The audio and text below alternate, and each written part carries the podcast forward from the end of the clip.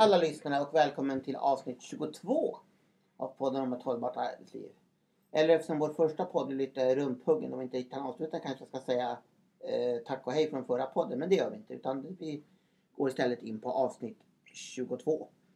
Och, eh, Nu står det 23. Nej, 22. 22. Okej. Han sa 22. Okej. det var avsnitt 22. Okej. Okej. Det här är vår 36 podd totalt och det är den 22 i podden om ett hållbart arbetsliv. Ja. Minsann. Och vi som pratar är som vanligt från Age Management i Sverige AB. Det är jag, Johan. Skoglund, som alltid inledningspladdrar. Jag är poddens programledare och de övriga som ni redan har hört pladdra, det är Barbro Skoglund. Okej, Skoglund. våra två experter. Och idag tänkte vi väl pladdra lite en stund om eh, en undersökning som har kommit. Som kom eh, tidigare i år. Som har fått en del medial uppmärksamhet och den bygger väl kan man säga på en undersökning som gjordes tidigare. Då var, var det, gällde, det, gällde det etnisk härkomst och nu är det kön och ålder. Man har alltså IFAU, det vill säga en myndighet som heter Institutet för arbetsmarknadspolitisk utvärdering. Åh herregud. Det var. Har, har, Tala om valt, att poddra, inte pladdra. har valt att välja ut 2000 arbetsgivare som man har skickat tre ansökningar till vardera. Totalt 6000 ans- fiktiva ansökningar.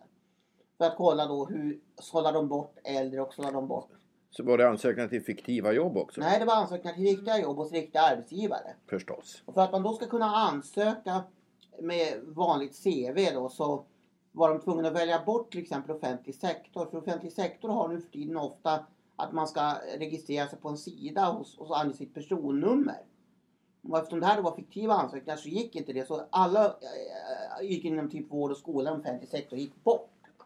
Så de sju yrken man har prövat att söka till det är alltså administrativa assistenter, kockar, lokalvårdare, restaurangbiträden, butikssäljare, företagssäljare och fordonsförare.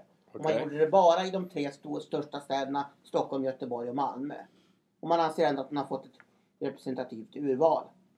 För att de säger att samtliga dessa yrken är vanliga i såväl Sverige som de flesta andra västländer. Mhm. Av det har man då dragit en del slutsatser. Och de slutsatserna tänkte jag väl att våra experter, Barbro du ville börja, du kan väl berätta om de slutsatserna då och även kommentera det du ville säga. Ja, det står ju så här eh, att författarna märker att eh, medelålders och äldre arbetssökande eh, vägs väljs bort. Eh, man får konstaterat att chansen att bli kontaktad av en arbetsgivare faller kraftigt redan i 40-årsåldern.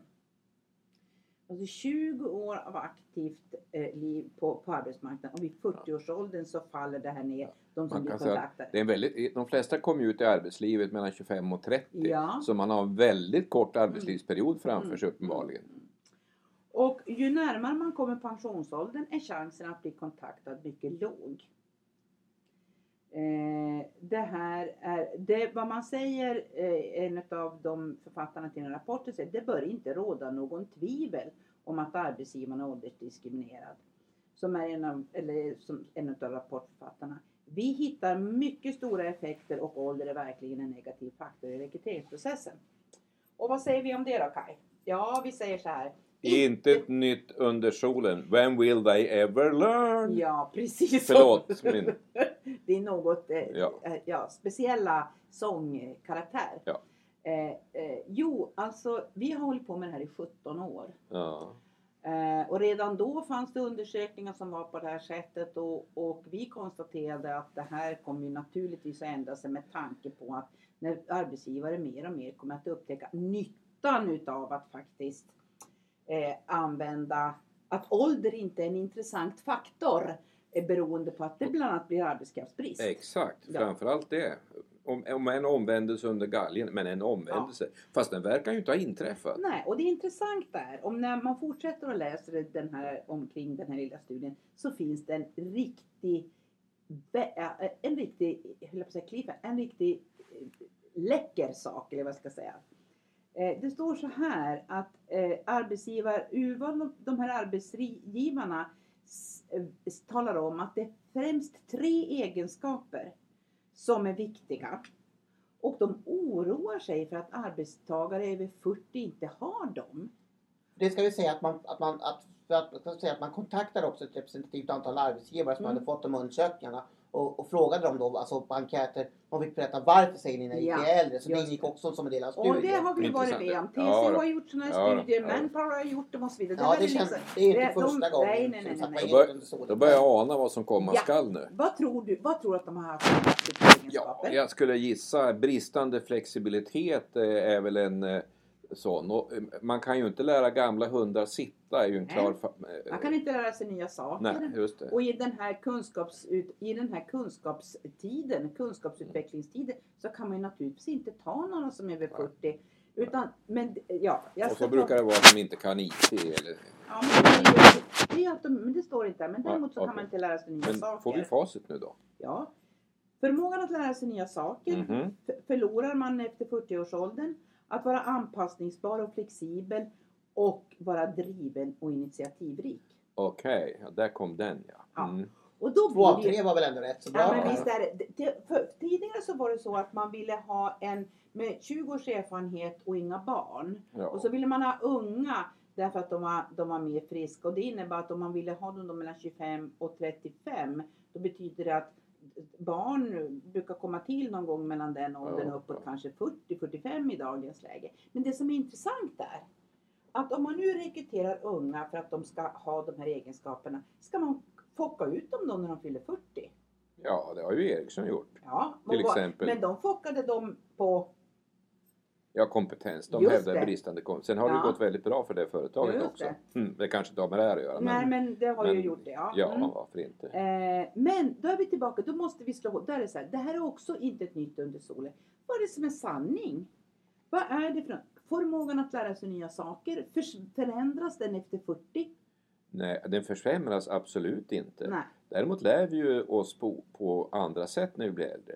Men vår förmåga att lära är ju väl så stor. Nej, det är så att vi lär oss inte på andra sätt. Men däremot, vi har samma lärstil min Ja, vän. ja, nu, okej. om Vi har ska- samma lärstil, men däremot går det fortare för oss att Mm. lära oss när man erfarenhetsbaserar. Det är Mm. ungefär som att har man en gång lärt sig att köra bil så kan man köra vilken bil som helst för det det är ungefär samma sak. Mm. Det är det, alltså kan man kroka upp det på, på, på erfarenhet.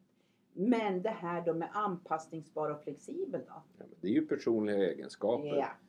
Och det kan man, är, är man, är man flexibel när man är 25 så är man med säkerhet flexibel när man är 65. Fast man har lärt sig mycket mer, har en helt annan erfarenhet i kombinerat med sin flexibilitet. Och då kommer vi till det här med anpassningsbar som naturligtvis är ett mer politiskt korrekt sätt att tala om att man, är, man blir mer och mer bromskloss ju äldre man blir. Mm. För då är man inte anpassningsbar, man sitter och säger nej hela tiden. Och då kan man säga att ja, det gör man till att börja med och det gör man i kraft av sin erfarenhet. Därför att man har varit med om organisationsförändringar som har gått överstyr. Man har varit med om massa olika saker som gör att, och nu kommer vi till forskningen, om eh, utvecklingspotential hos medarbetare. Ju äldre du blir kronologiskt, desto mer måste du kritiskt granska verkligheten. Innan du ändrar verklighetsuppfattning. Uppfattning. Ja. Och det betyder att det är betydligt mer, du kan inte köra över en 55-plussare med en slö skridsko. Peka med hela handen. Nej. Ja men det är ändå jag som är chef. Jag vet. Eller jag Det, det håller inte det som brukar inte argument. funka. Nej. Eh, eh, det borde inte hålla det för när man är 25 heller. Men uppenbarligen så tror arbetsgivare att det är lättare att göra det med en 25-åring. Eh, vilket ju naturligtvis kan vara eftersom den inte är lika erfaren. Men, men ledarskapssorten som, som förväntar sig. Man, man, det krävs av en ledare att man ska kunna förklara. Man kan inte bara säga att det ska vara så här för att det är jag som bestämmer för jag har ledartröjan på mig.